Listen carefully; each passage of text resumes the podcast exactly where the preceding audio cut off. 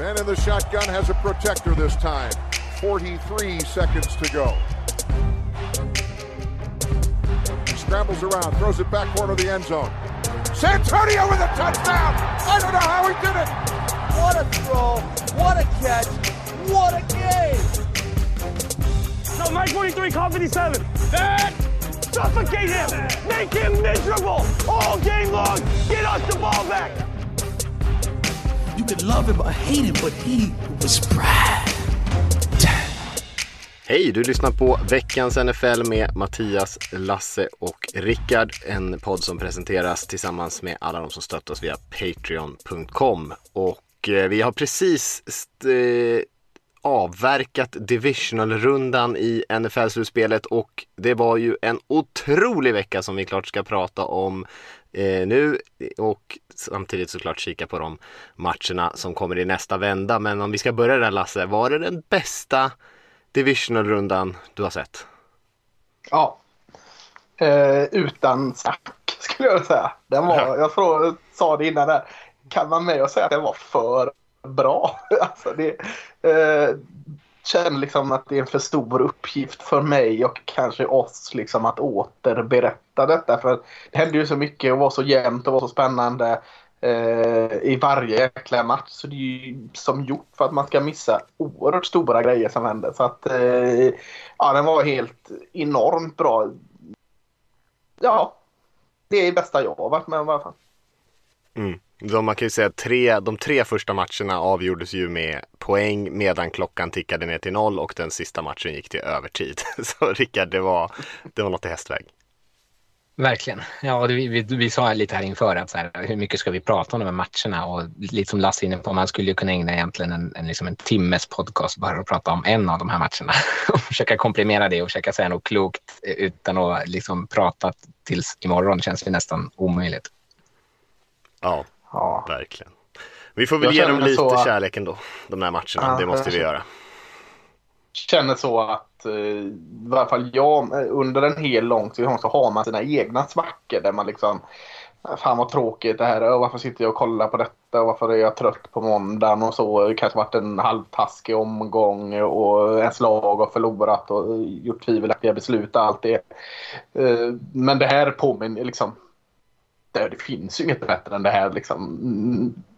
Ja, jag satt och tänkte så här när jag sett klart vilken var den andra matchen på lördagen där? Var det Niners Packers va? Mm. Eh, var jag så uppe i varv så jag tänkte, "Fan, ska vi göra en podd här nu eller? Jag- måste få ut med det här. Så, så eh, nej. Alla kassa måndagar man har haft när det är en halvfes ljummen omgång väger upp detta. För det här visar att det är typ världens bästa sport. Verkligen, och det är ju många som har varit ute på sociala medier sett skrivit det liksom att det, det är därför man älskar den här sporten. Och många som kanske tittar för första gången. Och jag kollade med de svenska sändningarna den här veckan, tyckte de gjorde ett jättebra jobb också. Och eh, verkligen eh, sporten som visade sig från sin absolut eh, bästa sida. Och som, som jag sa där när man hade sett de här första tre och Chiefs Bill skulle spela så, kunde man ju tänk, så tänkte man ju så att nu kommer man ju bli besviken här för det går ju liksom inte att toppa de här tre matcherna och så blir det en fullständigt eh, galen fjärde match som kanske är en av de bästa slutspelsmatcherna jag någonsin har sett och, och kanske till och med bättre än de här första tre matcherna som också var otroliga. Så att det var ju, det bara fortsatte där liksom match på match på match och det blev bara spänn, eh, liksom mer och mer spännande. Och vi sa ju det inför, det var ju jämna matcher, det var, de flesta av dem var svårtippade. Jag tippade fel på tre av fyra och jag tänker att eh, det var säkert många som gjorde det och många som hade eh, kanske betydligt fler rätt än mig också i och för sig. Men det var ju eh, jämna, svåra matcher som egentligen alla fyra känns som att de kunde nästan ha gått åt vilket håll som helst.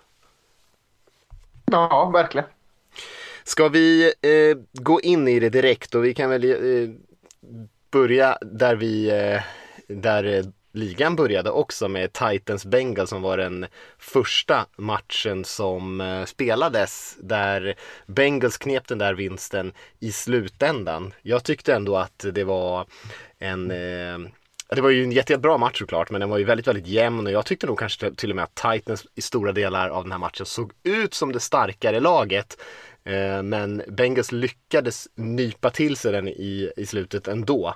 Eh, vad, vad, vad fick ni mer från den här matchen? Jag, tycker jag tyckte nog inte att... Alltså... Ja, kör du Rickard. Ja, jag tycker främst det som så fastnar i huvudet är ju liksom den misshandel som Joe Barrow tar bakom sin offensiva linje för att Titans lyckas få den här pressen hela tiden. Och jag håller med dig Mattias om att så här, det kändes när man tittade på dem som att Titans var det bättre laget. Men när man så backar bak en, en, bit och liksom glömmer de här stora spelen som typ alla de här saxen eh, så liksom känns det ändå som att de själva kunde ju inte heller producera speciellt mycket framåt. Eh, och, och, då faller det ju. Alltså det, det är ju Titans var ju så uddlösa tyckte jag i anfallet. Eh, och Bengals, även fast de hade problem med sin linje, så kändes det ändå som att det fanns mer hopp när de fick bollen. Att den här serien kan ändå sluta i poäng. Ja, jag håller med. Jag, jag vet inte om det här var...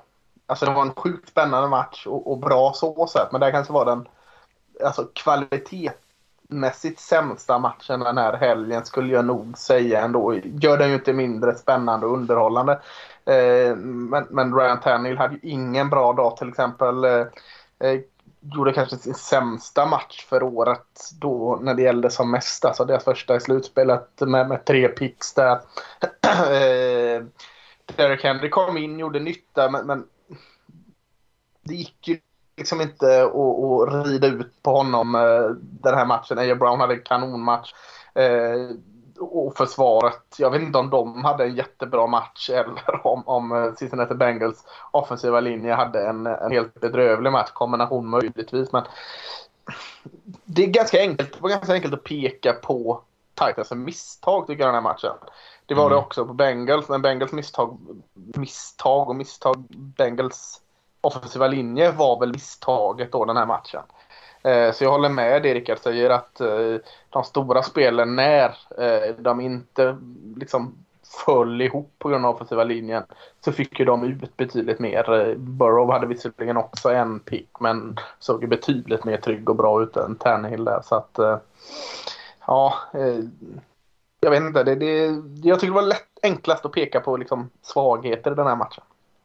Mm. Nej men jag håller med dig och anledningen till att Titans förlorar, eller största anledningen till att förlora är ju de här pixen som du är inne på. Och jag menar, första spelet en interception för Tannehill och sen när de ska driva när det står 16-16 och Titans ändå har möjlighet att driva för ett vinnande field goal.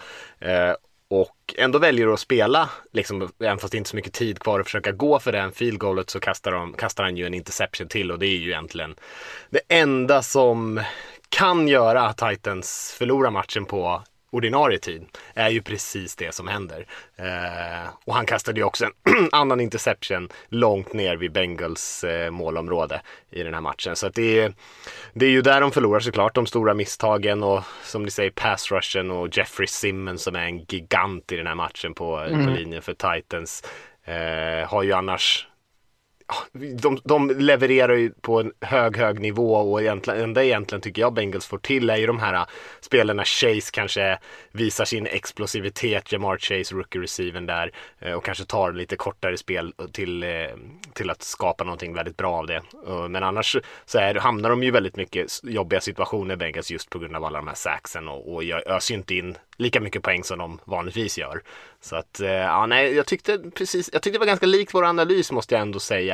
Att eh, Titans är kanske det mer fysiska laget på båda linjerna. Eh, men att man kanske har Eh, vi får se lite grann vilken form det är på Henry och grejer när han kommer tillbaka. Man sprang bollen hyfsat men eh, jag hade, blev lite besviken på Titans anfall att man inte lyckades eh, att man inte lyckades göra någonting av de här eh, gångerna man faktiskt fick eh, fick bra eh, field position eller flyttade bollen hyfsat. Mm. Sen är det ju starkt av Joe Burrow får man ju ändå säga att när han är under sån här våldsam press att han ändå gör en typen av match. Han gör en kastar en interception men han är ju ändå eh, flyttar ju bollen rätt bra för Bengals.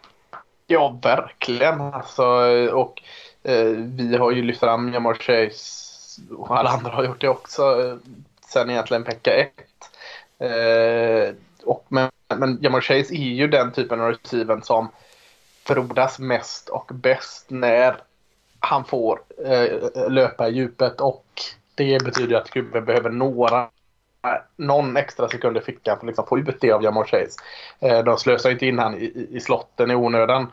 Så det är ju än mer imponerande att liksom korrigera när man ser att allting brister och få ut så mycket av Jamar Chase trots att Joe Burrow har ingenting i fickan. Eh, så ja, eh, coachingstaben är också en, en eh, plus i kanten för Bengals tycker jag. Offensiva coachingstaben. Mm.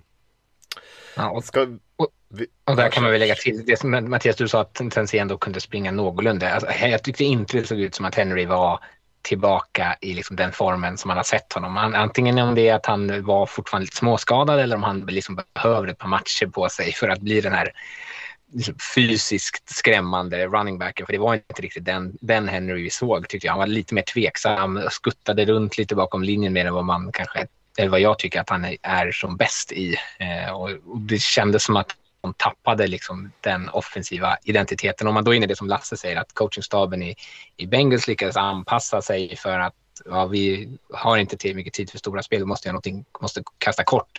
Att jag tyckte att Titans inte alls lyckades liksom korrigera från att ja, vi, vårt springspel är inte så effektivt som vi vill att det ska vara. De hade några stor, enstaka stora spel här och där, men inte det här konsekventa som brukar känneteckna deras fungerande anfall. Mm. Nej, precis. För det brukar vara en liksom, styrka i Titans. Så jag vet inte, jag, jag, jag tror jag, det är inte meningen att påminna dig om det Mattias, men eh, jag tror när, när eh, Tennessee mötte ditt Seattle så slängde du ut en liten tweet där att ja, ja, det är mycket snack, snack om Henry, men det kommer ju inte så långt liksom. Och så mm. brakade helvetet lös och så var det 200 yard.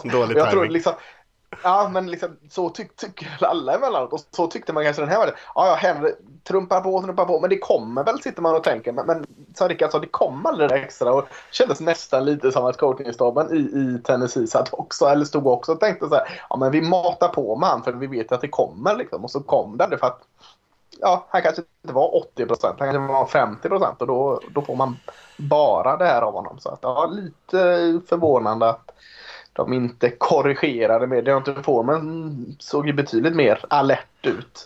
Eh, den andra running backen där. Så att, ja. ja det var ju Foreman som hade de stora spelen för dem i springspelet. Han hade ju mm. framförallt två stycken lite längre spel. Men eh, ja, det kanske ligger någonting i det. Eh, intressant. Annars som ni säger brukar ju vara Henry kötta på. Det är inte alltid sådär superimponerande men de flyttar bollen liksom de här kanske fyra yardsen och sen så börjar de stora spelen komma så småningom. Eh, och det kanske de aldrig kom riktigt dit i den här matchen. Äh. Men jag tyckte de hade ju ändå en väldigt, väldigt god chans att vinna och jag trodde faktiskt att Titans skulle vinna hela vägen till slut tills de kastade den här interception med 20 sekunder kvar eller någonting. Ehm, så visst var det på håret för dem. Men kul för Bengals. Vi kan hoppa vidare till 49ers Packers matchen. Det blev ju en riktigt defensiv batalj där. Den slutade ju 13-10. Packers kom ju ut och Eh, Eh, såg jättebra ut offensivt och flyttade bollen bra och gjorde en touchdown tidigt. Eh, och så hade ganska väldigt bra kontroll på 49ers anfallsspel får man säga. Både med pass rushen och man lyckades stänga ner deras springspel och 49ers de, när de väl lyckades med någonting då slarvade de bort det lite grann. De hade ju någon lång passning till Kittle över mitt mitten. De drev ju ner över hela planen där i slutet på första men då kastade ju Garoppolo en interception som var ganska sunkig. Eh, men de nötte ju sig in i den här matchen i längre än led och framförallt i andra halvlek så stängde ju försvaret ner Packers helt så att man hade möjlighet att ta sig fatt utan att liksom ösa in poäng direkt eh, och vinna på ett field goal i slutet.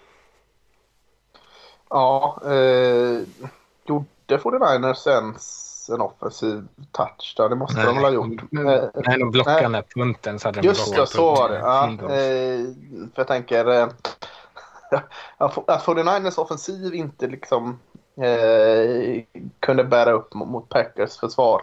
Det må vara en sak tänker jag. Alltså, när vi hade det avsnittet med nyårsraketer så glömde jag nämna Rashawn Gary i, i, i Green Bay som hade en kanonmatch. Jag skulle säga att det är bud på matchen spelare till Rashan Gary här. De har liksom tog sin lilla tid med honom men de har flyttat bak han lite och, och han har sett jättebra ut den här säsongen och även denna matchen och Kenny Clark uppe i mitten är fantastisk och man kan nämna en hel drös av, av Packers-spelare som spelar bra. Eh, så det är jag inte jätteöverraskad över kanske att det såg så trött ut men min stora eh, aha och andras är ju eh, att Aaron Rodgers han gör ju inte, alltså det är ingen dålig match eh, så sett. Han, han är ju inga picks och han kastade inte bollen jättefel. Men han gör ju inte så mycket som är väldigt bra heller. Eh, visst, vi sa att Bengals offensiva linje hade problem. Packers offensiva linje hade också jättestora problem. Han har eh, möblerat om den i stort sett hela säsongen. Men jag tycker liksom inte att en så rutinerad quarterback som Aaron Rodgers, en så dominant quarterback, en så duktig quarterback som honom i det här läget ska liksom klara det ändå. Om Joe Burrow klarar det som inne sitt andra år så, så tycker jag Aaron Rodgers ska klara det också. Så att eh, jag är väldigt överraskad att Aaron Rodgers inte får ut mer av den här offensiven. Ja, och det blir, anfallet blir så enformigt kändes det som, eller framförallt mm. kändes det i den här matchen att de matar mycket bollar till Davante Adams. Eller, så fort de märkte att de hade liksom en, en matchup som var bra, då, då kastade de den till honom. Men allt annat gick ju till eh, Aaron Jones, som, running back. Alltså bara ja. massa små dump-offs. Liksom. Och, om det är för att de inte hittade vad de ville eller för att eh, Rogers var lite väl kvick och liksom lägga bort den. Jag vet inte. Eller att han inte ville kasta i det här pissiga vädret. Men på något sätt det här måste ju Packers vara otroligt besvikna över att anfallet inte kan göra mer. Hur, hur bra försvar man än möter så har man Aaron Rodgers och Devontae Adams då måste man ju ändå förvänta sig mer än 10 poäng offensivt. Ja, de, de har ju världens förutsättningar som ni säger. Alltså försvaret tillåter ju i stort sett ingenting på hela matchen för 49ers eh, och mm. Eh, de vinner ju på special team som ni säger, dels en blockad punt för en touchdown här men de blockar ju också ett field goal för Packers i, i, eh, i special teams. Så det blir ju en, en väldig skillnad i den här matchen. Och som du säger Rickard, när, när försvaret spelar så bra som Packers gör här, så, som Packers försvar gör, så tänker man så att Aaron Rodgers och hans polare där i anfallet ska kunna fixa en eller två touchdowns. Eh, åtminstone för att man ska kunna liksom ta hem den där eh, matchen, alltså i andra halvlek, att man gör lite fler poäng så att man kan dra ifrån. För det krävs ju inte jättemycket för dem att vinna den här offensivt. Nej, sen, sen är det också så här lite otacksamt kanske eller lite så inte ger dem cred nog. Men förra veckan då, eller veckan innan så när de när 49 slog Cowboys så pratar man direkt ner om vad Cowboys gjorde dåligt att de lyckades vinna. Nu sitter man och pratar ner om Packers, vad inte de gjorde, liksom hur dåliga de var som inte lyckades vinna detta. Någonstans får man också lyfta upp 49ers. Eh, men, men det är svårt. Liksom. Alltså, de kör ungefär samma stil. Finurligt eh, små korrigeringar men de vinner ju på ungefär samma sätt som de gjorde mot Cowboys här. Eh, det är ju inte något mm, liksom wow i offensiven men det är små trickspel med, med Debo Samuel och, och eh, George Kittle kommer in lite mer i den här matchen. Men det är ju försvaret som, som, som, gör jättefina matcher. Nick Bosa mm. och, och vad heter han, Armstead är ju lätt att peka på. Men, men sen också, det, det är ganska svårt att lyfta fram alltså, vad i försvaret de gör bra. Jag skulle i alla fall behöva sätta mig liksom mer och, och liksom analysera nästan. Bara sitta och kolla på 49ers försvar. För att, visst, det är lätt att se att Bosa och Armstead får press på. Men, men det, känd, det är mycket mer än så. Så att uh, Fred Warner bra. Men, men eh, 49ers försvar tycker jag, jag har inte ens tänkt på att det är så bra som det bevisligen är. Så, så det tycker jag vi, man kan lyfta fram sin helsike. Jag håller verkligen med. Jag förstår, det är Demico Ryans heter den var deras defensiva koordinator. Mm. Ja, det pratas ju om honom som en HC-kandidat och det förstår man ju när man liksom, det känns ju som termen no name defense, att det är så många spelare som man liksom, åtminstone på förhand av säsongen tänker så här, vad ska de göra med allt det här liksom? Det är plocket av gamla spelare och framförallt i secondaryt men ändå får de liksom en sån här, såna här fantastiska liksom, eh, insatser från försvaret. Och visst Bosa som du säger men, och Armstead och Arden Key som har blixtrat till lite och Fred Warner men att det är så mycket spelare som liksom spelar på sin högsta nivå är ju verkligen imponerande. Mm. Mm, nej, jag håller med. Och eh, visst ska de ha cred, precis som Bengals, eh, även fast Titans kanske slarvar lite och Packers kanske inte når upp till sin potential offensivt här. Men det är ju 49ers som också ser till att de inte gör det. Och de spelar ju såklart eh, en jättebra match, i alla fall på försvarssidan, som gör det här möjligt. Och man är ju ändå underdogs i den här matchen mot Packers. Fullt rimligt. Många Absolut. kanske såg Packers som det bättre laget och hänga kvar så här länge och ge sig själva möjligheter att vinna. Och det gör man ju. Man ger ju sig själv en möjlighet att vinna på den här blockade panten. Eh, och kanske hade man kunnat vinna på något annat sätt om inte den hade kommit där. Men eh, det är ju det man måste göra. Liksom. Ge sig så många chanser som möjligt att hänga kvar i de här matcherna. Och favoriterna på sin sida, de måste ju försöka eliminera så mycket av den här slumpen som möjligt. Eh, och man kan inte låta de här eh, om man anser sig vara det bättre laget kan man ju inte låta de här lagen hänga kvar hela tiden. Eh, för då kan det ju ske sådana här grejer. Det är bara en snedstuds så är man ute. Så att, eh, mm. det är inte så mycket att snacka om tycker jag. Men eh, ja, intressant resultat där. Det var ju, då kan man ju egentligen säga att det var båda, eller det var båda bortalagen, det var båda underdogsen som de här för, vann de här första två matcherna på lördagen. Eh, och så skulle det ju faktiskt fortsätta även på söndagen när Rams mötte Buccaneers och Rams eh, gick ut och såg inte alls ut som någon underdog här i början på den matchen. Tog ju en jätte, jättestor ledning mot Buccaneers. Till slut stod det väl 27-3 som mest vill jag säga.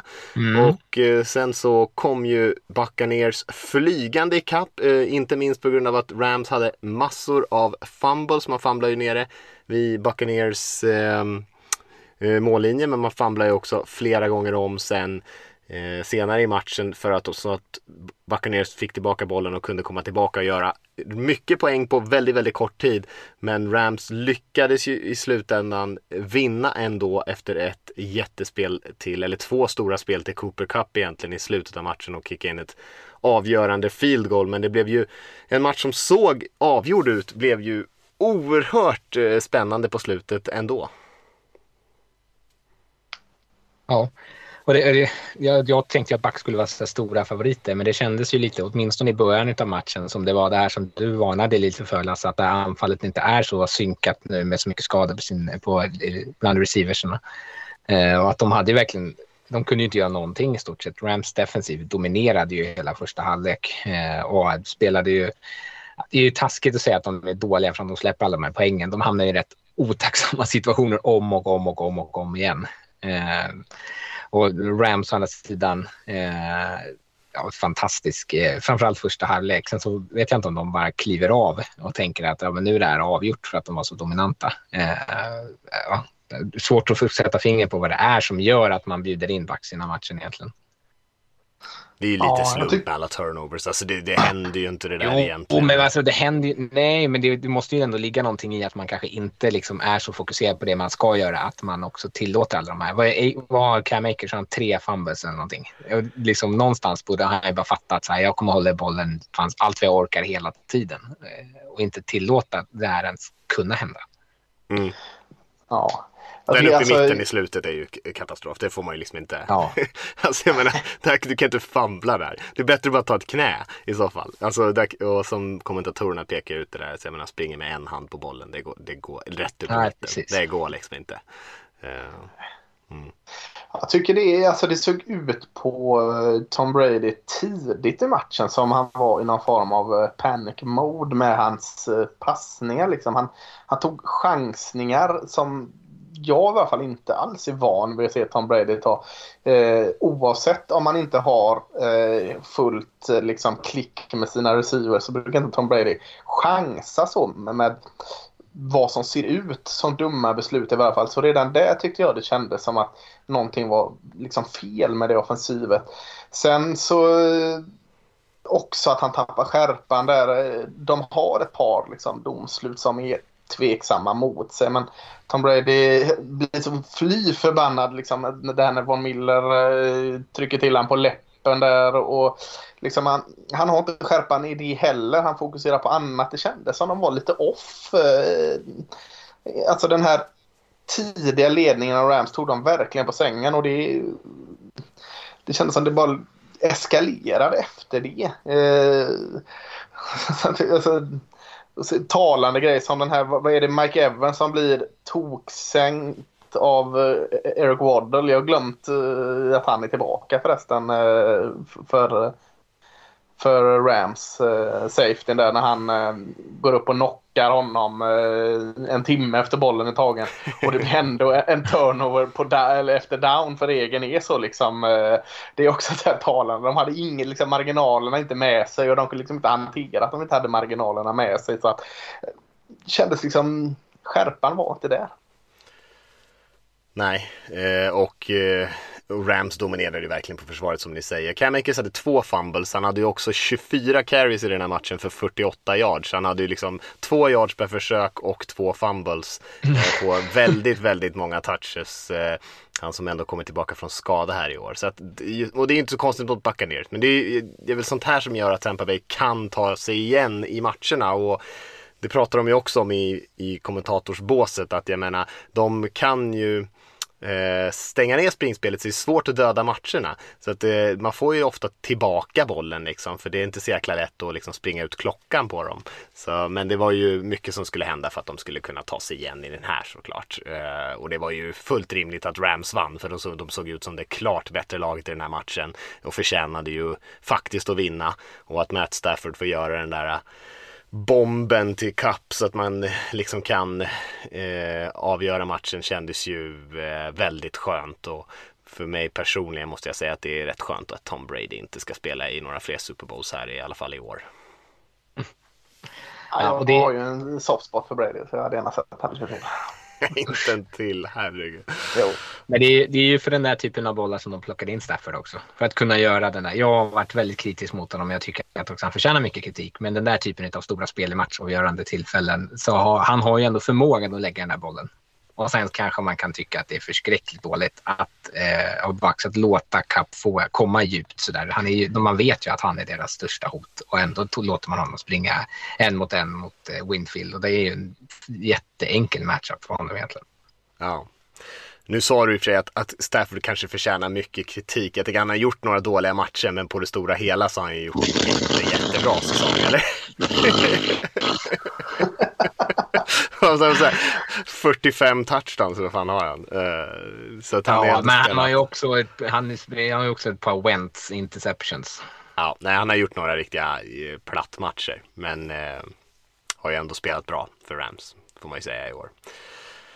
Uh, ja, i, kul tyckte jag att Rams vann den matchen. Eh, och då har vi ju bara en match kvar och det var Bills Chiefs och den blev kanske galnast av dem alla och den var ju faktiskt jämn, egentligen rakt igenom och och eh, det som man liksom tar med sig såklart är ju slutet på den här matchen och det får vi väl ta liksom eh, lite separat här snart och säga någonting om. För det var ju fullständigt galet såklart. Och sen är det ju quarterback-duellen här mellan Patrick Mahomes och Josh Allen som både passar bollen och springer bollen och ser fullkomligt eh, ostoppbara ut egentligen eh, matchen igenom. Jag skrev det på, eh, på Twitter här eh, igår eller någonting som tror jag att eh, att det kändes eh, som att vi såg de eh, två bästa quarterbacksen i NFL som spelar den här matchen. Jag tycker att det börjar bli rätt uppenbart, eh, i alla fall på meriter. Och sen att kanske glappet mellan Mahomes och Josh Allen inte är särskilt stort längre.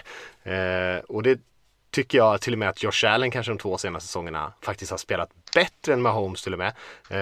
men det är klart, skulle man ranka dem kanske man skulle sätta Mahomes före. Men det, det är ju, båda de här spelar ju på en sån otroligt fånigt hög nivå. Eh, och, det är väl det som vi fick sitta och njuta av i fyra kvartar och lite övertid här. Ja, herregud. Var ska man börja med den här jäkla matchen? Stefan Diggs hade bara sju yards. Det, det är det enda jag hittar liksom att peka på på eh, något av offensiven liksom, som sticker ut. Sen är allting liksom, perfekt. Ja, men det är ju löjligt att eh, ett lag i, av de här kommer förlorande den här kampen och inte får spela åtminstone konferensfinal. Eh, den spelades för tidigt den här matchen i år. Eh, fantastiskt bra match. Bills gör ju eh, allt rätt. Eh, Chiefs gör allt rätt. Eh, jag vet inte om, om det ens liksom är lönt att klanka ner på försvaren här när de är, offensiven är i sån jäkla zon som de är det är inte så jäkla liksom, lätt när man hamnar i en sån här shootout att eh, liksom eh, kritisera att ja, eh, de lyckades inte Joan Tony lyckades inte ta den picken där och sånt. Ah, jag vet inte om man ska göra det utan det, det är väl bara att liksom fokusera på hur oerhört skickliga de här två offensiven var eh, den här matchen. Ja, Eh, verkligen. Och du nämnde det med Stefan Diggs att han hade han sju yards. Eh, mm. Dawson Knox, tight hade nio yards. Mm. Gabriel Davis hade alla yards. Ja, 201 yards, fyra liksom. touchdowns. och fyra touchdowns. Ja, det är rätt sjukt. Och sen torska. Ja. Eh, men det säger en del om Chiefs hur försvaret ändå lyckades stänga ner och tänkt så här, men ni får vinna mot oss på något annat sätt. Och Josh Allen och anfalls bara, ja, ja okej, det gör vi. liksom, så det är fantastiskt. Och KC samma sak, man försöker stoppa ner dem eh, genom att plocka bort Tyreek Hill. Eh, och, men så lyckas man inte det. Och så fort det finns liksom en chans att han kan få sina stora spel så kommer de här stora spelen. Och de, jag gillar ändå att Chiefs matar både på honom och Kelsey och låter liksom så här, men vi ska inte låta försvaret diktera hela tiden hur det, som det kanske har sett ut stundtals under säsongen, utan att de ändå ser till att hitta sätt att få dem, bollen i de här händerna. Mm. Mm. Ganska olika eh, passningsanfall också kan man väl ändå säga. Båda de här quarterbacksen sprang ju rätt mycket själva. Båda hade ju mm. 68 yards för Allen, 69 för Mahomes. så, och Josh Allen var ju extremt viktig på de här kort yard situationerna också när man konverterade. Tredje och kort eller fjärde och kort och sådär. Eh, men annars kan man väl säga att Josh Allen hade ju några riktiga bomber till sina receivers, Gabriel Davis för det mesta då. Medan Mahomes spelar ju precis den här stilen som vi har sett dem göra eh, den här säsongen när lag har spelat dem med två djupa safeties. Det är, det är det här korta passningsspelet. Han hade inte en enda passning längre än 20 yards i den här matchen. Inte ens försökte inte ens en passning över 20 yards. Och, och då hade han 44 passförsök. Och nästan alla passningar var 5 till 10 yards och under det. Eh, och så, så skapar de väldigt mycket efter mottagningen. De här crossing routesen på eh, Hill och gänget. Eh, till och med sådana här lite wide receiver screens och sånt där som blev stora spel. Och eh, vi har pratat om de här båda anfallen att de har haft lite problem i år, upp, varit väldigt upp och ner. Men det känns som att nu hade de verkligen löst alla sina utmaningar inför den här matchen och pikade eh, något enormt. Och eh, det var ju kanske lite synd då som Lasse säger att de ska mötas här och något lag måste förlora. För när man tittar på det här så känner man ju det här är kanske de två bästa lagen i ligan just nu. Mm. Inte bara i konferensen. Eh, och det är klart det är synd att de åker ut något av dem redan i divisional. Men eh, ja, så är det. Det är inte så mycket att säga om. Ska vi säga något om slutet på matchen? Ska vi försöka sammanfatta det på något rimligt sätt? Det blir övertid och Chiefs vann det är ungefär, det är ungefär liksom sådär bra som man kanske kan sammanfatta allt som hände där eh, i slutet. Men eh, ja, jag vet inte, vad ska man börja egentligen om man ska göra det? Vad tycker ni? Ska man börja prata om regeln i sig? Ska man börja, för att det är, det är väl det allting handlar om. Det handlar inte om att Chiefs lyckades vinna på övertid. Det, det, eh, det var väl inte överraskande liksom att eh, det laget som fick bollen skulle gå ner och sätta den. Det, det kändes eh, mindre överraskande. Ja, men jag tycker innan vi kom in på regeln Lasse så tänker jag mm. att vi mm. måste kanske bara säga någonting om det helt absurda att, att Chiefs till exempel får bollen med 13 sekunder kvar. Ah, ja, ja, eh, på sin jag. egen ah, 25 yards linje. Jag tänker ah. den delen av slutmatchen, för de bytte i ledning typ tre gånger de sista två minuterna. Och ah, man det, tänker det, att det är liksom, man tänker att det ena laget har vunnit hela tiden liksom och, och så kontra liksom de andra och sen så jag tror ju att det är helt slut när, när de får, när Chiefs liksom har bara 13 sekunder på sig och de Bills gör ju massor, jag tycker de gör en såklart de gör en jättebra match och det är liksom, man vill inte klanka för mycket men de gör ju en en hel rad klantiga grejer rent taktiskt i slutet på den här matchen som gör det möjligt för Chiefs. Och många har ju lyft också. Varför när det är 13, när man liksom ska kicka ner den och, och ger så småningom Chiefs då 30 sekunder. Varför squib-kickar man den inte eller någonting för att få av lite extra sekunder? Gör man det så hinner Chiefs troligtvis bara med kanske ett spel. Eller möjligtvis två spel. Ett spel troligtvis och sen spara tid för att kicka ett field goal. Eh, och vi fick höra också lite från Mahomes och Kelsey där i slutet på den här matchen när, när de eh, gör det andra spelet då efter att ha plockat upp en först eh, fått upp, eh, plockat upp en hel del yards. Det har bara gått fem sekunder, de har åtta sekunder kvar. Och då plockar de ju upp en 20-25 yards till så de kommer in i field goal range och kan eh, kvittera matchen. Men då springer ju Kelsey inte den routen som som de hade kommit överens om utan han säger innan att jag kommer troligtvis liksom bara freestyla lite och så kastar ju Mahomes bollen till honom och så får de den där långa gainen. Men då säger de att de spelar sidlinjerna i Bills. Bills spelar liksom sidlinjeförsvar vilket också känns fullständigt meningslöst när Chiefs ändå har timeouts. Och sen att man ja. inte liksom eh, är uppe och spelar liksom lite mer fysiskt mot deras receivers. Kelsey kommer ju inte springa och göra en lång touchdown i den här matchen. Så att man kan ju garanterat gå upp och liksom chippa släppa honom, spela honom lite mer fysiskt på linjen. Han får ju bara springa, båda de här receivers som, som plockar bollarna där i slutet och det är väl Hill och Kelsey är ju fullständigt vidöppna när det är de här 30 sekund, 13 sekunderna kvar. Så de ger ju bort egentligen alla de här yardsen så att de kan kvittera. Ja, jag tycker bara ja. det är ändå viktigt att säga att jag tycker att det är riktigt, riktigt dåligt skött av Bills i slutet på den här matchen och det gör att Chiefs har möjligheten att faktiskt driva, vad det nu är, nästan 50 yards på, ja, liksom bara liksom 10-11 sekunder. Eh, och det ska ju inte vara möjligt.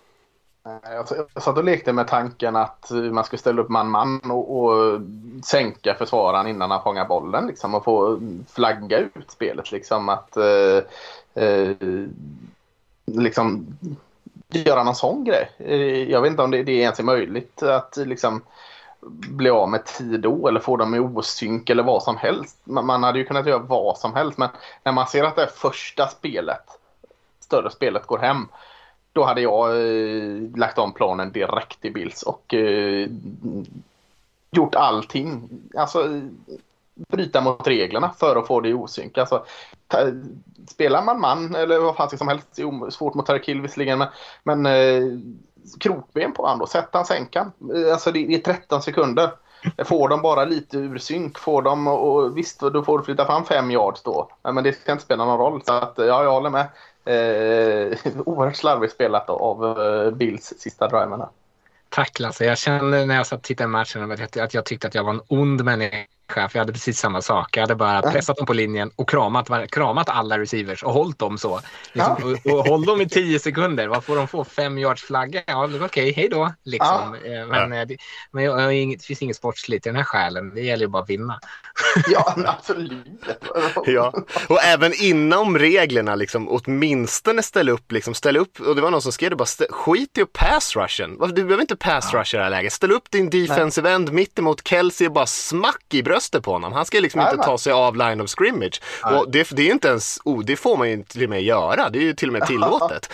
Men istället ruschar man fyra och Kelsey springer totalt omarkerad rätt upp i banan. Det är det sämsta jag någonsin har sett i liksom situational football där. Liksom. Det är helt makalöst dåligt skött faktiskt av Bills under de här sista 13 sekunderna. Och det är synd att behöva säga det när de gör en sån fantastisk match. Men de ska ju inte kunna tappa det där överläget på 13 sekunder. Det ska man inte vara möjligt.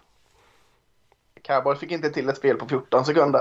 Ett spel. Chiefs fick till en hel drive på 13 sekunder. Ja, så många lyfter det. Ja. ja. Nej, det Ja, nej, nu kanske vi fastnade lite i den detaljen där. Men, eh, ja, men som, som du säger Sandlester så blev det ju Eh, Eh, ja, det händer ju massor de sista två minuterna. Vi kan tyvärr inte sammanfatta allt det där, men de går ju fram och tillbaka och, och eh, utbyter smällar och sen så avslutas det ju med att Chiefs får den här bollen med 13 sekunder. Då tror man ju att Bills har vunnit. Men sen så går det till övertid. Chiefs vinner slantsinglingen, driver rätt ner i plan och vinner matchen. De har ju ett jättestort spel på Tyreek Hill bland annat. Och, eh, och då blev det ju genast massor av diskussion om övertidsreglerna. Och vi tänkte väl att vi drog igång en sån diskussion i våran Slack-grupp och den blev, det blev väldigt mycket engagemang. Och många har ju lyft den också både i sammanhang med matchen här men dagarna efter också. Så vi tänkte kanske vi skulle säga någonting om det där. Vad ska jag säga? Klockren. Det är ju lätt att följa, ta reda på. Vinst landslinjen och har du bättre förutsättningar. Det behöver inte vara svårare än så. så, så simplistiskt. Uh, jag förstår ju så här. Jag, jag jag, I våran Slack då har vi haft bland annat den här diskussionen. Eh, men den har ju förts överallt på det stora internetet. Eh, men jag förstår ju att man vill kanske att båda lagen ska ha exakt samma förutsättningar. Man får bollen lika många gånger på övertid. Att Bills borde ha fått den, haft en möjlighet att kunna kontra den här touchdownen. Och så här, ja, I teorin absolut kanske. Eh, absolut men, kanske. Absolut kanske. Alltså inte absolut. Ja, men här, ja, det är ju en lagsport. Visst, det är ju kanske orättvist att det blir Chiefs styrka mot, eh, vad, eh, mot Bills som inte styrka. Samtidigt det högst rankade försvaret i år. Eh, och att Bills egna styrka borde haft en möjlighet att kontra. Men det som jag tycker är så svårt i det, så här, börjar man peta i det, då blir det inte rättvist vad man än gör. Liksom. Ska Bills få tillbaka bollen, ja då gör de det under, då vet ju det an, mot andra, dag som får bollen andra gången, vet ju förutsättningarna som gäller. Då vet de att vi måste ha en touchdown. Då kommer de spela annorlunda än vad Chiefs gör. Anledningen till varför det blir fyra stycken, eller eh, tre stycken touchdowns och ett field goal precis i slutet av matchen är att lagen vet att vi måste spela no risk it, no biscuit. Eh, att man liksom riskerar, man går för det på fjärde eh, och det genererar fler poäng. Och då har ju Bills en fördel i att få ta emot bollen efter att Chiefs har haft den en gång och då kommer man ha synpunkter på att det är ju inte längre rättvist och det, liksom, det kommer aldrig bli exakt rättvist och ju mer man petar i det, det kanske blir lite bättre men det kommer aldrig bli bra. Det kommer alltid finnas synpunkter på att det är orättvist. Ja, nej jag håller med. Det, blir, det kommer aldrig bli, alltså jag tror så här, grundinställningen man måste ha, det kommer aldrig bli rättvist. Det kommer aldrig ja. bli 50% lika chans för båda lagen att vinna. Det finns inga sådana regler. Och som någon lyfte också i den här diskussionen, och Magnus tror jag det var, att eh, övertidsreglerna som man ändå har ändrat nyligen och de blev ju mycket bättre till den versionen det är nu tycker jag. Eh, det, det, ändrar man ju delvis lite grann också för att typ spelarfacket vill inte att spelarna ska behöva spela för långa övertidsperioder och såna här grejer. Eh, så att det är ju också en faktor som liksom, och vad som är praktiskt möjligt att förhandla fram. Ehm, men jag förstår argumentet. Jag tycker att det finns, man kanske borde titta på det eh, för att se om man kan göra det ännu jämnare. För det laget som vinner slantsinglingen idag, de har ju en fördel. Ehm, den är inte jättestor, men de har en fördel helt klart. Eh, och sett över liksom lång tid så, så vinner ju det laget de flesta matcherna men det är ju inte sådär eh, någon absurd fördel men det, men det är en liten fördel och det vill man ju såklart försöka karva bort men då handlar det ju om små, små, små, små förändringar. För jag tror att börjar man göra så här, ja men båda ska ha bollen, ja då ska, det, om laget inte gör touchdown, ska de då punta över den till det andra laget eller ska man så här ta serierna så att det inte blir flytande spelet. utan de får de bollen och så får de börja på 25 yardslinjen oavsett var liksom det andra lagets serie slutade för att det ska vara 100% rättvist. Jag menar då har vi inte en sport längre. Alltså, det är inte ens, då har vi kommit bort från amerikansk fotboll överhuvudtaget. Då håller vi på med någon form av mättävling för att avgöra liksom det där. Det blir väldigt mekaniskt tycker jag. För annars är det en jättefördel att vara det andra laget om man blir garanterad en possession och det första laget måste liksom panta, då kanske du får börja din possession på 45 yardslinjen. Alltså jag tycker det finns liksom inga, för mig finns det inga eh, optimala lösningar och det här är ganska nära eh, väldigt bra tycker jag. Ja, jag, jag, tycker det, det, jag håller med, det finns inga optimala, men det finns mindre dåliga. Liksom, det, det, det är där man får diskutera då, liksom, vad, vad, är, vad är mindre dåligt i det hela. Jag gillar ju, eh, de har korrigerat lite, i collegefotbollen har de korrigerat eh, slutbiten. Den kunde ju hålla på en evighet liksom innan, men eh, så de har liksom fin korrigerat en hel del nu. Det, det är ju att eh, man börjar på 25 yardslinjen eh, och så, vet, så har eh, det andra laget eh, ett försök. Man har eh, så gör du fyra försök. Eh, gör du field goal så, så, vet de andra att eh, vinner man på touchdown och så eh, börjar de. Och går det för länge, jag tror det är tre sådana drives, så är det att du måste extrapoängen måste vara en tvåpoängare så att det gör det ännu svårare. Eh, men det blir också, det kan bli långt där också såklart. Men, men Eh, jag, jag tycker nog den college-varianten är eh, bättre. För då får i alla fall båda lagen röra bollen. Och eh, då blir det liksom, då är det svårt att spela på taktik också. För att när det är 25-yardslinjen, det är en sån ovan situation. Så att jag gillar den bättre. Men då kommer ju också in det som, som Magnus nämnde där. Spelarna verkar inte vara allt mycket för den. Det kan bli lång, långt även det. Så att det är också det. Eh, spelarfacket ska ju säga sitt också och, och de har ju velat ha den här som är nu. Mm. Men då menar du i college så får ändå om det första laget gör touchdown, då får ändå det andra laget möjlighet att kontra liksom? Ja, och så sen mm. är det, eh, och så, så säg att eh, lag A börjar då. Så är det ju lag Bs nästa tur. Och har lyckats båda ha, så det går vidare. Då får lag B göra igen. Då börjar de, så då har de två drives i rad och sen A. Och så går det så. Och så, jag tror det är tre sådana här driver då är det att de måste gå för två varje extra poäng för liksom att få slut på skiten. Kanske skulle vara att gå på två, gå på två direkt så man får slut på det. Jag vet inte. Men, men eh, jag tycker den är, är bra. Eh, det blir inte ofta inte allt för långa övertider och eh, en, liksom en, en fair chans för båda lagen. Mm. Jag vet ja, inte vad man ska... Jag, menar, jag, jag, jag landar i det som du säger Mattias. Det kommer aldrig bli exakt rättvist. Och, och det håller jag med om. Ja, och så, så, får det liksom, så får det vara. Ja, man kan ju heller inte ändra reglerna hela tiden. Eh, som sagt, det är inte så länge sedan man ändrade Ja, det börjar bli några år nu. Men eh, det är ändå så här, oh, man har kommit en liten bit. Ja, jag vet inte, det är svårt. Jag tänker man skulle kunna flytta så att det är laget som börjar övertiden börja lite längre bak. Alltså se om det. Men det kanske spiller över då så blir det helt liksom en helt annan grej. Men det är klart, eh, man måste ju säkert göra några ändringar men jag tror nog på att göra ganska små grejer. Eh, det ska ju vara lätt att hänga med på, det ska vara underhållande. Eh, ja, det är många faktorer tycker jag som är minst lika viktiga som att det ska vara rättvist. Ehm, Eh, De ändrade väl regeln efter att uh, Des Bryant fångade bollen i Green Bay som inte blev kallad fångst där va? Sen ändrade den så det blev fångst. Du menar att de ändrar catch-regeln där? Ja. Ja. Ja men den har de ju på att skruva på men det är inte direkt så här. Ja, det, ja, det är okej nu liksom men det är ändå, folk har jävligt mycket synpunkter på den fortfarande och det är liksom, det kommer inte bli bättre. Det kommer liksom inte bli bättre. Det jag vill säga var att vi skulle vinna Super Bowl i år. Alltså. Och med det sagt, med den, här, med den här matchen med Bills Chiefs tycker jag övertidsregeln är det, jag, jag tycker inte den är särskilt intressant att diskutera med den här matchen i bakhuvudet. Alltså Bills, om Bills skulle vinna, vinna den här matchen då har de hundra chanser att göra det utan att liksom på, på att göra andra saker. Eh, inte på grund av att de förlorar slantsinglingen och, och, och Mahomes gjorde touchdown. Där man också, det, det, det är fritt fram att försöka stoppa dem från att göra en touchdown. Så att jag, jag tycker att i den här matchen är det inte så, så relevant tycker jag faktiskt. Ja, ja, kanske nog snack om övertidsregeln. Det kanske blir, blir någonting som kommer in i off-season och att man tittar på det där så får vi se vad de landar i. Om man kan göra några små skruvar för att jämna ut de där oddsen lite grann mellan laget som vinner och laget som förlorar slantsvingningen helt enkelt. Ska vi titta lite på Championship-rundan? Ja, vi har ju matcher den här veckan också. ja, även fast man inte kan tro det med tanke på hur mycket vi snackade om Divisional. Men det var ju kanske värt det ändå. Eh, bra Ja. matcher som sagt. Och vi har eh, två matcher, de spelas på söndag och det är Bengals Chiefs som spelas klockan nio och det är 49ers Rams som spelas klockan halv ett. Ja, eh, i hyggliga tider ändå. Det uppskattar jag. De här mm. sena matcherna här nu, de har ju satt rytmen lite ur funktion på en. Så att eh, det applåderas. Halv ett kan man häda i tycker jag. Vilken hade vi först ut sa du, Var det Bengals Chiefs klockan nio eller? Mm. Exakt.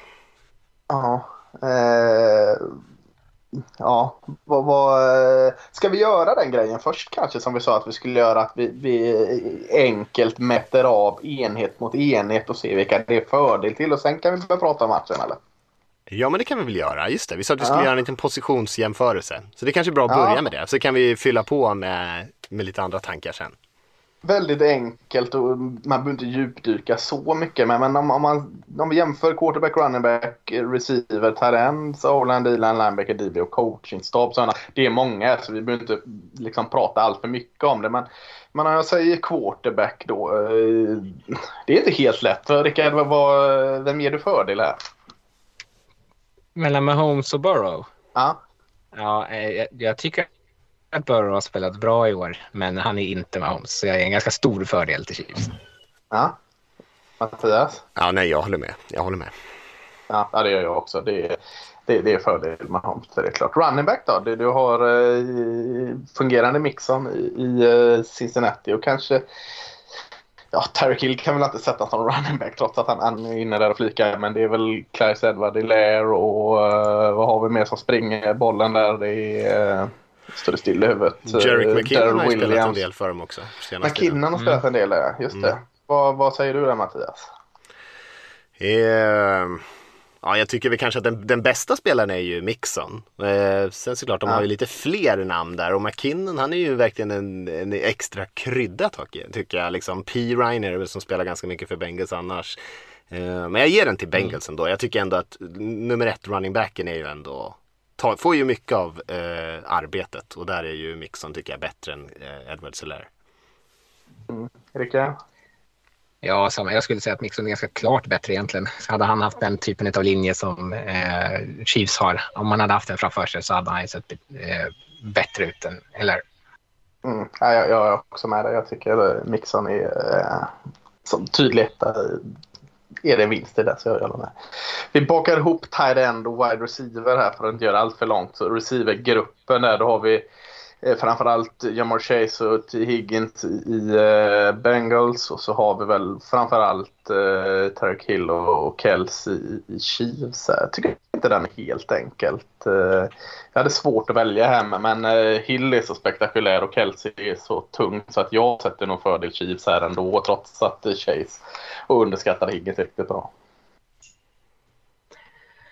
Ja, eh, jag tycker att den är svår. Jag tycker att den är jämn. Eh, men bara Ja. för att eh, det är kul så kanske jag ger den till Bengals då, mest för att jag är så förtjust i Chase. Eh, men Mm. eh, jag, jag, det är ju två riktigt bra grupper. Ja, verkligen. Ja, det är det. Eh, nej, jag, jag, jag tycker om Chiefs just för att vi bakar ihop in tight enden där och Travis Kelce är ju så makalöst bra på sin position där. Receivergruppen separat så kanske Bengals ändå har ett case tycker jag. Eh, Men jag tycker ändå att man ska inte helt underskatta liksom Hardman och gänget i de, i de rollerna de spelar. De är ju, Hardman är ju också en superspeedster som, precis som Hill och även Byron Pringle tycker jag bidrager lite. Men eh, Bengals har många bra spelare. Men jag ger den ändå till Chiefs eh, just för att Kelsey kanske får att vikta över lite grann tycker jag. Mm. Och med tanke hur det såg ut förra veckan så behöver vi väl inte prata så mycket om uh, Oland där. eh, att det är Chiefs som har fördelen där. Nej. Eller är, är det någon som tycker annorlunda? Nej, Nej. nej. Frågan är om Nej. någon spelare på Bengals offensiva linje skulle ta en plats på Chiefs. Alltså någon av de fem. Jag, jag tror inte det. Ja, det kanske är right tacken där Wiley som skulle kanske ha en chans att bli petad. Men de har inte så Jag gillar ändå. Jonah Williams gillar jag ändå i Bengals offensiva linje. Jag tycker inte att han är... Jag vet inte om det var han som tillät alla de här pressurerna nu senast eller inte. Han var inte Eh, jättebra, det var han inte senast. Men, Det men tycker han jag inte att Orlando Brown är å andra sidan heller. Nej. Jag gillar Hakim äh, Adeniji där fram från Kansas. Äh, garden där. Men, äh, tveksamt om han är... Det är nog bara för att jag gillar honom sen tid i college kanske. Så att nej, det, det känns såklart. Ja. Eh, defensiva linjen eh, får väl baka in eh, edge rush här om man ställer upp med en fyrfront eller inte. Det tänker jag här, vad, vad gör de? Chiefs ställer väl vanligtvis upp med en fyrfront va? Eh, om man nu kan kalla det och eh, det gör väl Bengals också med Henriksson och Hubbard där kanske. Vi bakar med dem där i alla fall. Eh, jag sätter med eh, Chris Jones och Melvin Ingram och han har kommit in nu och, och Jaron Reed så tycker jag det är Chiefs där med. Ja, verkligen, tycker jag. Ja, jag håller med. Ja, men det är två bra defensiva linjer. Jag tänker men även eh, DJ Reader spelar ju jättebra senast. Deras runstuffer, nose tackle där. Henriksson har ju spelat bra och jag menar Hubbard är inte dålig. Men det är klart att Chiefs har ju väldigt mycket, väldigt mycket bra defensiva linjespelare. Så att jag håller med er. Den här tycker jag är svår för det, det, de lutar sig inte så mycket mot, eller de är inte så profilstarka linebackers i, i de här lagen. Eh, kör ju oftast ett system där de har inne två linebacker och, och slänger in en nickelback eh, också. Men, men eh, vad är det, om man ska lyfta två så är det Logan Wilson och Jermaine Pratt i, i Bengals är väl de två som brukar roteras friska. Så Willie Gay och Anthony Hitchens i, i Chiefs där. Vad tycker du Rickard? Ja, nej, jag kan inte välja det. Vad, då får du svara? Mats? jag kan inte välja. Det var Rickards betänketid här. Uh, ja, nej, hmm, jag tar nog kanske... Ja, Den här är ju svår. Det är ingen... Chiefs, jag tycker om Nick, Nick Bolton. Bolton ska jag nämna där också. Ja, ja men jag gillar Nick Bolton lite grann. Eh, Han är ju lite oslipad kanske, fortfarande väldigt ung. Men eh, ja, jag, jag tar nog Chiefs före Bengals ändå. Men det är inga superstarka grupper. Nej, men Nick Bolton är ju en sån spelare det är lätt att gilla. Han gör de spelen som man liksom... Det är ju någon av de här som sticker ut ändå. Så att eh, ja, jag är lite sugen. Men så gillar jag Logan Wilson är en sån lojal, pålitlig jäkel. Och ja, men Pratt. Jag, jag säger nog... Eh, vad sa du? Sa du Chiefs? Ja, jag sa Chiefs. Ja, men jag, jag för spänningen skulle säga jag, säga Bengals här. Ja, du håller räkningen också, det är bra. Det, Ja, det tycker jag. Det tycker, Mm. Så vet vi vilka som vinner. just det, ja men det är viktigt. Ja. Eh, ja, eh, Rickard har vi tappat eller? Eh, han verkar vara i, borta en liten stund ja. Han kommer väl, mm. ramlar väl in ja. om en liten stund. Han är ute och kollar linebacker ordentligt i sina tidningar. men, men, men vi, vi går vidare, show must go on. Så, så vi, uh, DBs, uh, vad säger du där? Den, den, tycker jag också är svår. Jag, jag har inte riktigt... Ja. Jag tänker jag gillar... direkt tänker jag på Jesse Bates i Bengals mm. och eh, det är safeties jag tänker på i båda. Så Honey Badger, eh, Sorensen på gott och ont och Thornhill. Så att, ja. Ja, nej, alltså det är ju svårt tycker jag. Alltså, jag menar, man blir ju inte superimponerad kanske alltid av eh, corners i, i Bengals där. Jag tycker så här Von Bell kan spela bra ibland och Awuzie som kom från Cowboys är ju ingen så här dålig spelare heller. Men med Matthew och Thornhill och sen ändå rutinerade liksom spelare som Ward och, och Sneed som ändå ah, kanske inte liksom kommer gå till All Pros och sådana här grejer. Men så tycker jag ändå att kanske Chiefs har en liten, liten fördel. Men jag tycker att ja, det är väldigt svårt att ranka de här två mot varandra. Ja, nej, jag håller med dig där. Jag, jag, den, är, den är jämn, men liten, liten fördel till Chiefs där tycker jag. Så, eh, ja, Coachingstab då? Det, går det att gå emot Andy Vi hyllade ju ändå att Bengals hade kanske någon form av coach-seger senast här med, med eh, Zach Taylor och, och Callahan och allt vad de heter där. Men, men går det att gå mot eh, Andy Reid? Nej, det går inte.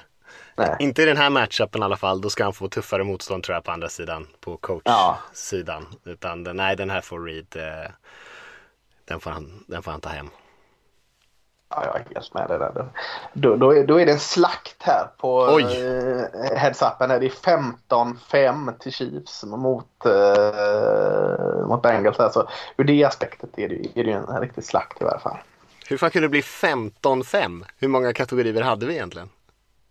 Uh, ja, men man får en per... Uh, alltså säger du Chiefs, jag Chiefs Aha, okay, och, och Rickard okay. Chiefs så får man tre poäng här. Just det. Okej. Okay. Ja, mm. ja, då är jag med. Jag tänkte så här, hur, mycket, hur, hur, många olika kategorier snackade vi egentligen om? Flygande start hade de. Med handikapp 7. Nej, ja. 15-5. Ja, just det. Men, men, om man ska bortse från, från den här, då, vad, vad, har vi för match att vänta? Ja, alltså det är ju lätt att tänka sig eh, att, eh, att Chiefs ska ta den här matchen. Och det, det är det första man tänker att eh, det kommer ju bli svettigt för Bengals i den här matchen. Å andra sidan så har de ju eh, spöat bra lag. De har ju bland annat spöat Chiefs i år va, om jag inte minns fel. Och eh, liksom levererat i många av stormatcherna. Så att jag menar, det är klart att man hoppas ju på att Bengals ska kunna verkligen steppa upp här och göra match av det här. De kommer kanske inte vara under riktigt eh, samma press förhoppningsvis i den här matchen som de var mot mot Titans och, och Joe Burrow kanske kommer ha lite mer tid. Men vi räknade ju upp linjen där och det finns ju bra spelare i Chiefs också så att helt lätt blir det nog inte. Jag, jag hoppas att Bengals kan bjuda upp så att vi får en spännande match. De, med Chase och gänget så är det ju ett underhållande lag i alla fall. Eh, men det är klart det kommer vara eh, stor fördel Chiefs känns det som spontant. Ja, men man får ju tänka lite på att eh, Bengals är ju såklart en eh, stor underdog i den här matchen trots att liksom deras roliga resa här och det är så lätt att gilla dem och de har gjort så mycket bra så är det ju, tycker jag, en tydlig underdog i Bengals. Så då får man ju liksom kolla vad ska de göra liksom. För de kan ju inte låta matchen ha sin gång tänker jag. De måste ju liksom... Eh, det var lite det vi, kritiserade Eagles där i matchen mot ner så att de liksom bara hängde med utan att... Chansningarna måste ju komma här på något sätt. och, och jag tänkte något sånt här liksom försvar. Alltså, eh, de kommer ha ett helsike på offensiven med den linjen. Eh, jag har inte sett den så dålig den linjen som den var sist. Så det kan ju hända att liksom, de hade en riktigt, riktigt dålig dag på jobbet också. De kan ju faktiskt steppa upp och spela lite bättre men svårt att se det med Chris Jones eh, komma ångande där. Men, men om, om, man bara kollar försvaret då. Är det så tycker du? Hur skulle du gjort? Alltså, du har två stora. Om du tar bort Mahomes eh, med benen, liksom att han hotar där. Det får man nästan ta bort. Så har du liksom... Eh, du har eh, eh Trevor Kelsey och så har du ju eh, Tyreek Hill. Ska man släppa någon av dem liksom? Och, och vem ska man släppa då? Bara fokusera bara, se till att Tyreek Hill inte får avgöra den här matchen. Han får inte ta den här yardsen. Kan, kan man gå ut och göra så? Eller? För någon sån här grej måste de göra. De måste ju göra en chansning här tänker jag. Ja, och det är sjukt svårt för jag tänker Bills gjorde ju ändå hyfsat det liksom senast. Alltså, och det blir ändå Ja, sådär som jag sa där. Nej. Nej. Med de här korta passningarna, det går ju inte liksom att täcka, det går inte att täcka fy, alltså det går inte att markera, dubbelmarkera bort fyra yards passningar till Tyreek Hill liksom. Jag menar, de, de måste man låta han ta. Men, men då måste man göra ett mycket bättre jobb att få ner honom på marken sen efter mottagningen. Han kan ju liksom inte få dansa runt eller spida iväg på liksom en 50 yards löpning efter han har fångat den korta passningen. Och, men Kelsey däremot, där tror jag att det är väldigt viktigt att man inte, för han är nog det mer metodiska i deras anfall. Där, där tror jag att där måste man ju verkligen gå in och dubbla honom så ofta man kan tror jag. Ehm, men det är ju jättesvårt såklart, vilket man, de har visat Chiefs liksom. Men jag tror fortfarande att man måste spela det här tålmodiga spelet mot dem och hoppas på att det kanske blir något misstag, hoppas på något, liksom, att man kan komma upp och tackla ordentligt. Ehm, men ja, nej, det, det, det är ju... eh, De är ju sjukt svåra att möta och eh, man kan, man kan inte dubbla båda varje spel som du säger. Men Kelsey skulle jag nog prioritera i så fall. Eh, Just för att jag tror att han både kan skapa lite stora spel men även att han, han gör att de flyttar kedjorna på ett helt annat sätt än, än Hill gör tror jag. Ja, för jag tänkte så här, ko- kolla tillbaka liksom eh, det var lite innan midseason Vi satt och pratade om att Chiefs kommer nog inte ens komma till slutspel och det ser ju så jäkla eh, eh, kast ut. Och de förlorade Super Bowl förra året. Eh, men liksom, det går inte att hitta. Det, det var en Mahomes ur form och, och Super Bowl förra året var det en Mahomes som var skadad. Så det går ju liksom inte heller liksom, att gå tillbaka och kolla liksom, hur, hur slog lagen Chiefs då. Utan det var ju att Mahomes inte riktigt levde upp till sin hype. Han, spelade ju direkt dåligt eh, tidigare i år och eh, eh, problem när han blev satt under press och inte kunde liksom använda sina fötter förra året. Så det är ju inte helt lätt bara att gå ut och, och liksom kolla på dem. Ah, de förlorade så, då kör vi det. För att eh, Chiefs förlorade, tycker jag i alla fall, lite mer på, liksom, på sin egna eh, sina egna misstag eller sin Mahomes misstag än liksom att något annat lag liksom utspelade dem. Ja, och det som liksom de torskade på i den här Super Bowl-matchen när, när eh, Buccaneers pass rush egentligen tog över matchen. Alltså jag menar, Bills lyckades få ganska mycket press senast också. Men jag menar, man kom inte hela vägen fram och Chiefs spelar ju det här lite snabbare anfallsspelet nu, vilket gör att det är svårare att komma åt Mahomes. Och han gjorde ju mycket jobb med sina ben som du säger, hitta de här luckorna och, och springa själv. Och, jag menar, det känns som att de har börjat hitta svar på alla de här utmaningarna och frågorna som försvaren ställer till dem. Men det, jag, jag tror fortfarande liksom, du kan inte blitza så jäkla mycket. Du måste vinna med dina pass rushers. Hendrickson måste ha en stor match. Ehm, du måste, när de fångar bollen, du måste lyckas få till eh, passningar eller tacklingarna en mot en. Du måste få ner deras spelare på banan. Det tror jag är liksom de viktigaste grejerna och då pratar vi om rent så här fundamentala grejer. Spela med tålamod i försvaret också och du måste lyckas gener- generera pass rush utan att blitza. Ehm, men de kommer ändå göra en del poäng. Och då hänger, hänger det ju på att man kan skydda Burrow och hänga på på tavlan lite grann. Och eh, det tror jag Bengals räknar med att deras anfall måste ju vara eh, den största, an, liksom, största anledningen till att de har en chans i den här matchen. Mm, ja, jag håller med. För om du skulle tippa resultat då? Ja, Chiefs vinner ju. Det har jag väl kanske redan gett upp. Jag kommer väl hålla på Bengals i den här matchen. Eh, men eh, jag, tror väl att Chiefs kommer vinna om jag ska tippa med hjärnan istället för hjärtat. Och tror de kanske de vinner hyfsat bekvämt en 10 poäng eller något sånt. Ja, jag tänkte också 31-21 hade jag kladdat ner där. Och, eh, känns väl... Ja, jag håller med. Chiefs, eh, Chiefs vinner denna. Men ja, det hade varit roligt för Bengals här. Alltså. I de förra matchen här mot Titans så var det deras första bortavinst i slutspel någonsin. Så eh, de har ju, alltså först, veckan innan där var det första vinsten sedan 91 va? I slutspel Mm. överlag. Och matchen borta här i Nashville var det första, första bortavinsten i slutspel någonsin. Så att eh, de, de, eh, de slår ju in dörrar här va. Men, ja, jag har svårt att tro det. Ja, och de är ju ett ungt lag liksom. De, de, de är väl, kommer väl troligtvis växa in i det där liksom. Chiefs är ju mitt i sitt prime just nu. Ehm, men ja, man, det är klart man hoppas på att de ska verkligen kunna chocka världen här och, och spela sin bästa fotboll. Och då har de ju en chans. Det har de ju absolut, man ska inte räkna bort dem. Som sagt, Nej, de har vunnit, mot många bra lag i år. Eh, som man inte trodde att de skulle kunna slå. Så att varför inte? Absolut. Vad har vi? Då har vi en kvar. Det är lite enklare nu med previewsarna. Mm. Det är Exakt. enklare att hålla reda på. Vad sa du? 01.30 i eh, LA då? eh, Rams mot 49ers. Jag sa 00.30 men eh, Sa du det? Ja, det är 00.30 till och med. Ja, det är ja, jag då som är ute och flyger med klockslagen här nu. Eh, Ja, ska, ska vi börja köra samma då? Det får vi göra med, Mm. eh, Rams och 49ers här. Quarterback. Vi har Jimmy Garoppolo och Matthew Stafford där. Och eftersom tyvärr Rickard inte blir kvar här så har vi inte den största Stafford-hatan med oss. Så, tror han hade valt Garoppolo. Ja, jag tror han hade gjort det bara för att. Men, jag sätter att du och jag tycker Matthew Stafford här i alla fall. ja, ja, nej det här är väl ingen eh, vidare Nej, där. behöver vi inte prata mer om. Running back däremot, då, då ställer jag frågan först. Jag tycker du Debo Samuel ska gå som running back eller receiver här? Så, så sätter vi han i ett fack. Trots att han är Mm. svårt att placera in. De listar ju honom själva som en receiver. Så det tycker jag Ja, nästan men att han- får det. Springer väl mer med bollen eh, liksom, i en running back position än receiver position. I slutspelet har han inte gjort det. Eh, Det vet jag faktiskt inte hur, Ja, exakt ja, men listar de han som receiver så får han väl vara det då. Ja, det tycker Men de lurar, de lurar oss inte när, när vi sätter den där. eh, då, ja, då är det lite svårare tycker jag. Vad, vad säger du? Eh, Ja, den är svår tycker jag. Eh, Men alltså, nu hade ju eh, Cam Akers... Fullbacks får ju gå in här också ska jag tillägga också. För 49ers jobbar ju en del med fullbacks. Ja, ja, då blev det Ja. lite, jag tänkte säga Ja. Rams nästan. För de har ju ändå en, en del spelare att välja på, lite Sonny Michel och Cam Akers som hade en väldigt dålig match senast men vanligtvis är liksom en effektiv running back.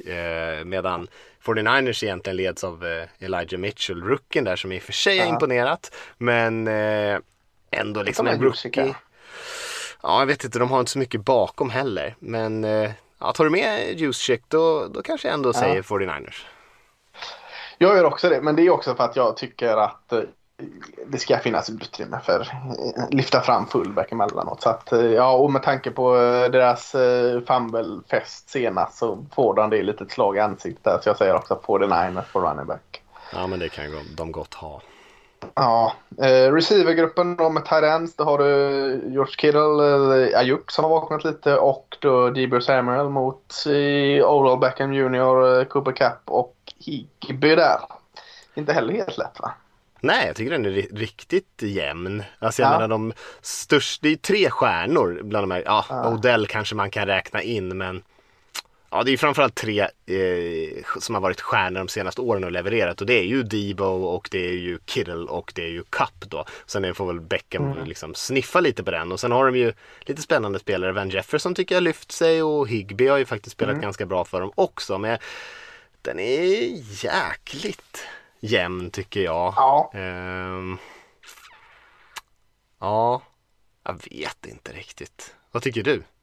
Nej, men jag, jag känner, du är inne på det med, med du nämner Van Jefferson också. Det kanske är lite mer djup i receivergruppen i, i eh, Rams med eh, Odell Beckham Jr, Cooper Cup, Van Jefferson och Higby är inte så jäkla dålig. Så jag tycker han är en fullduglig tyrant. Så trots att eh, både Kittle och Debo Samuel är jättebra liksom stjärnor som du säger så har Brennan Ayuk varit lite för ojämn hittills. Eh, trots att han har visat en del här i slutspelet trots allt så faller det nog liksom till slut eh, lägger jag min röst på Rams lite för att de har djupet.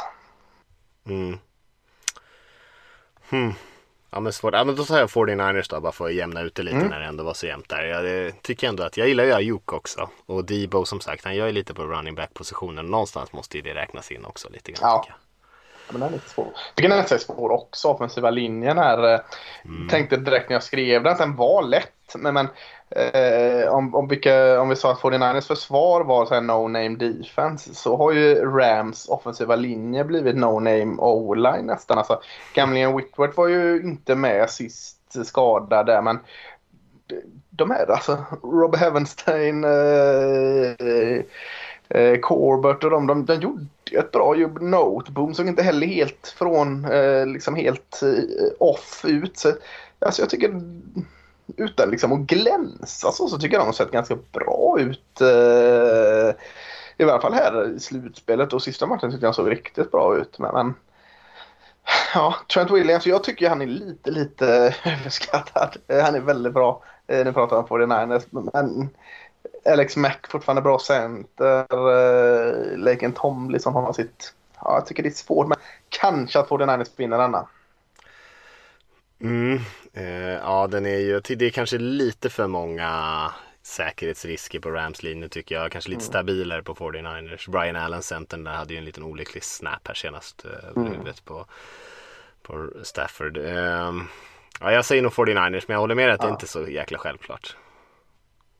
Nej, och, och, när jag säger att Trent Williams är överskattad så, så säger jag inte att han är dålig. Han är ju den bästa offensiva linjespelaren av de här två och bland de bättre i ligan. Men ibland höjs han upp som att han är den bästa någonsin och det är, ja, jag hittar lite svagheter ibland. Mm. Ja, eh, D-line.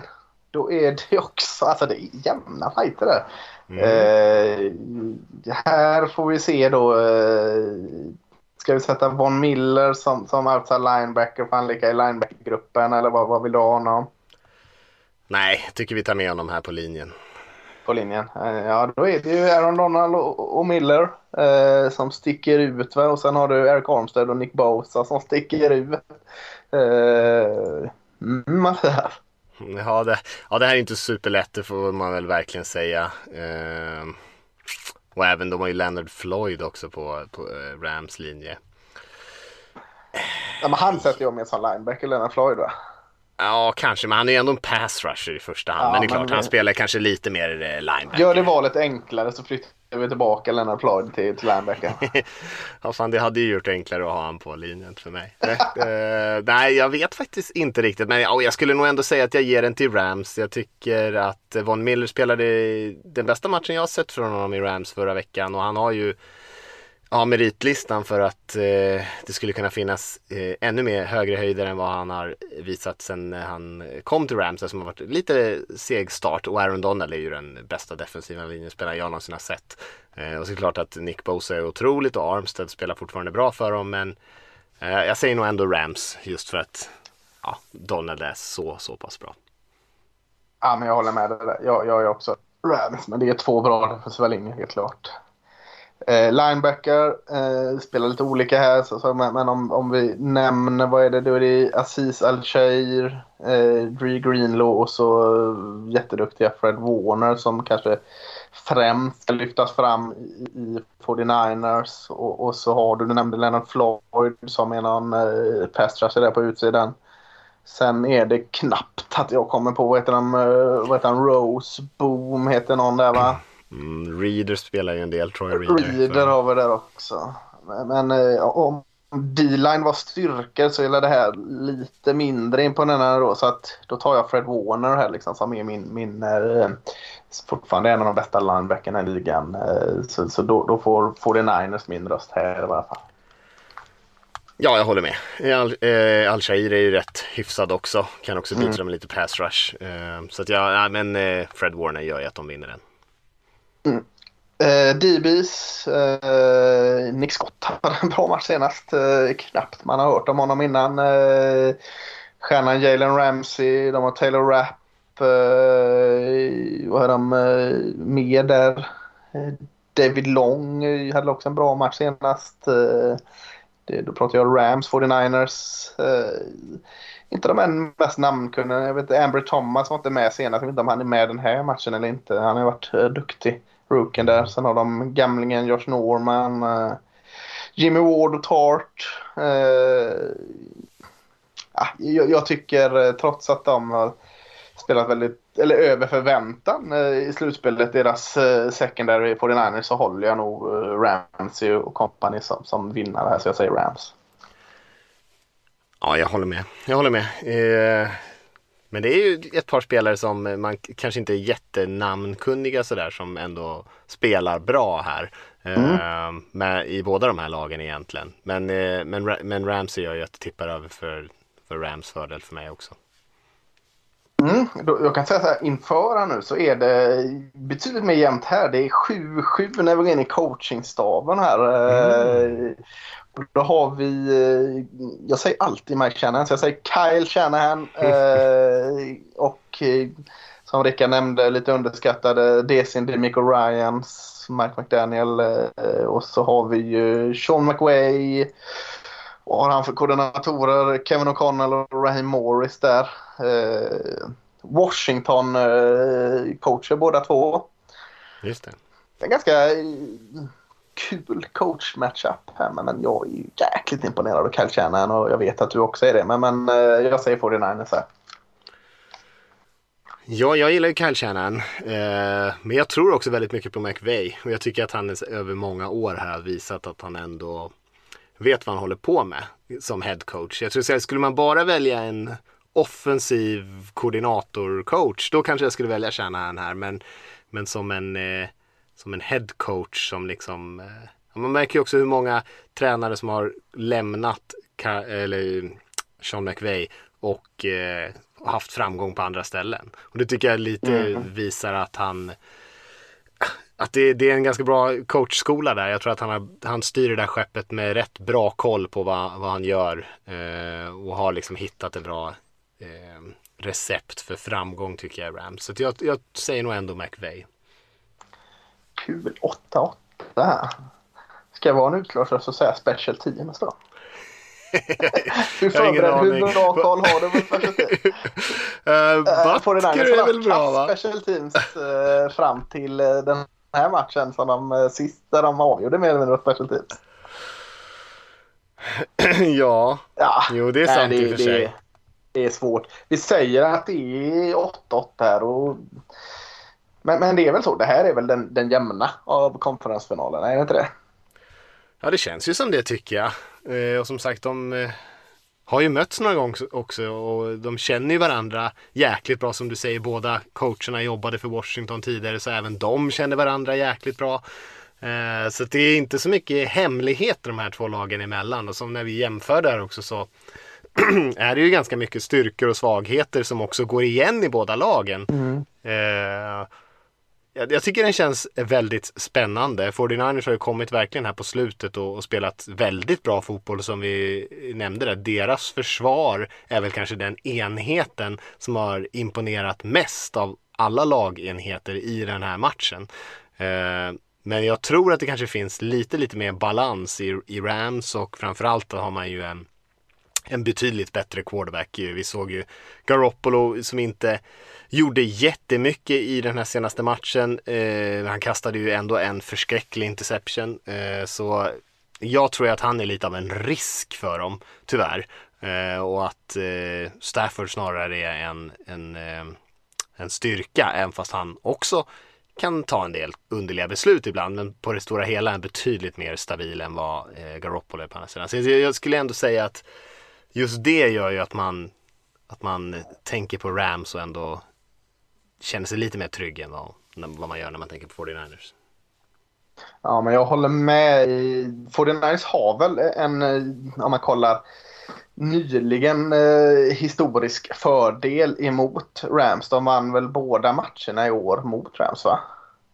Ja, visst gjorde de det ja. Exakt. Ja, om jag inte är helt ute och cyklar. Så att eh, de har en liten för, eller liksom en, en eh, de har haft eh, vunnit, alltså de har den matchupen i alla fall. De, de har eh, ägt eh, Rams i år. Eh, men jag, jag, det du säger, jag, jag, är inne på det också. Här, att någon gång hela den här vägen måste det liksom komma ikapp att Jimmy Garoppolo bara är en okej okay QB i sina bästa stunder. Det måste liksom komma ikapp dem någon gång. Deras försvar, en makalös insats som vi pratade om förra veckan och, och, och eh, all heder till dem. Men eh, ja, Rams försvar är inte heller så jäkla dåligt och eh, det var många i Rams försvar av de ej stora namn som också lyfte sig och spelade bra eh, sista matchen här. Så att eh, de har inte heller dåligt försvar, absolut inte. Så liksom, och också som du säger, mäta styrka mot styrka så ligger de lite eh, i samma båt och har starka defensiva linjer eh, båda två. Liksom, och, eh, då blir det väl någonstans här liksom summa summarum att Matthew Stafford är en QB man vill ha med sig till den här matchen. Jimmy Garoppolo kanske inte är QB man vill ha med sig till den här matchen. Eh, trots att man kan överleva ett misstag av Jimmy Garoppolo per match så måste man också nog få mer hjälp av Jimmy Garoppolo någon gång det här slutspelet. Man kan överleva att han eh, kastar en pick six per match om det nu bara skulle vara så. Att det skulle vara någon Brett Favre i detta. Liksom, som, men det är det ju inte. Han kastar ett pick per match i bästa fall. Men vinner inte heller några matcher för dem. Eh, Matthew Stafford kanske också kastar ett pick per match. Men han kan vinna matcher för Rams. Så att, ja, kanske är en förenkling att säga att det kommer liksom, när det allt kommer omkring så är det QB som avgör detta. Men det känns så för att annars är det ganska jämnt. Ja det är det och jag tycker så här, du lyfter ju det här med 49ers äger Rams både i Mm. år och, och tidigare år och eh, det ska man kanske inte räkna bort. De vann ju jämnt den andra matchen och stort den första matchen när de spelade på hemmaplan. Men eh, Mm. rent så här, om, man, om man ignorerar det, eh, vilket kanske man inte ska göra helt, men då tycker jag ändå Rams ser starkare ut. Men jag tror inte att, jag tror på en matchbild ändå där det kommer vara lite svårt att ta poäng. Jag tror absolut inte på någon shootout i den här matchen. Jag tror Rams kommer ha det ganska svettigt eh, med 49ers försvar och Nick Bosa och gänget. Det kommer nog inte vara så jäkla kul för dem. Och de kommer inte, liksom inte flyga fram eh, som man gjorde i början av matchen mot Bucks här senast. Utan det kommer nog vara lite tuffare. Jag tror att det blir jämnt. Jag tror att det blir eh, liksom snäppet över 20 poäng kanske, inte mer än så. Ehm, och eh, men jag tror ändå att Rams vinner i slutändan. Jag tror att Garoppolo kommer göra något gott misstag. Ehm, och att det kanske blir det som, som blir skillnaden i, i slutändan. Även fast försvaret spelar bra och lyckas stänga ner Rams lite grann. Ja, nej, jag håller helt med. Jag skulle säga så här 26-21 till Rams skrev jag upp här på, bara Mm. för att säga något resultat. Och det är väl snäppet över 20. Eh, någonstans mellan 20 och 30 poäng eh, per lag. Och att kanske avgörs med en score liksom. Eh, vilket tyder på, alltså rent underhållsmässigt jämnhet så, känns ju den här matchen hetare då än Chiefs-Bengals. Eh, jag hoppas ju att det, det blir lika jämnt där men den här matchen känns verkligen som att jag hade inte blivit sjukt förvånad om 49ers gick och vann denna heller. Jag hade blivit sjukt förvånad om Bengals gick och vann mot Chiefs. Så att eh, nej, den här matchen känns eh, inte o, helt oviss men eh, ändå det finns eh, möjligheter för båda lagen att vinna denna. Ja, jag, håller med, den här känns ju jämnare och eh, jag ska inte bli förvånad eh, oavsett slutresultat. Men ja, jag, jag tror att den blir jämn, jag tror att Rams vinner. Kanske 20-19, kanske lite färre poäng än vad du tror där. Men eh, ja, jag tror den blir en bra match, underhållande. Som sagt, de känner varandra och eh, borde komma ut med lite lite trick upp i skjortärmen ändå. Så för att försöka överraska på, det, på de sätt det går mot någon som ändå är en motståndare som känner dem väldigt bra. Mm. Kul konferensrunda där. Ehm, vi kanske ska ta och runda av Lasse. Det var synd att vi tappade Rickard där som var tvungen att springa iväg och, och eh, ta, hand om, ta hand om barn. Och hade mitt Ja. ibland sina tekniska bekymmer dessutom. Ja, det, livet kommer i vägen emellanåt. Det, det, det, det, det kan vi bjuda på tycker jag. Exakt. Ibland Eller sitter han fortfarande och bläddrar, i- bläddrar i Lambecker-pärmen där och väntar på att få flika in här. Men det, får han inte den här gången. Han får eh, ta igen det nästa vecka när han ska hålla en 40 minuters monolog om Pro Bowl som är eh, på gång. Just det, just det. Då är inte vi ens med i podden. Det är bara Rickard. Nej, precis.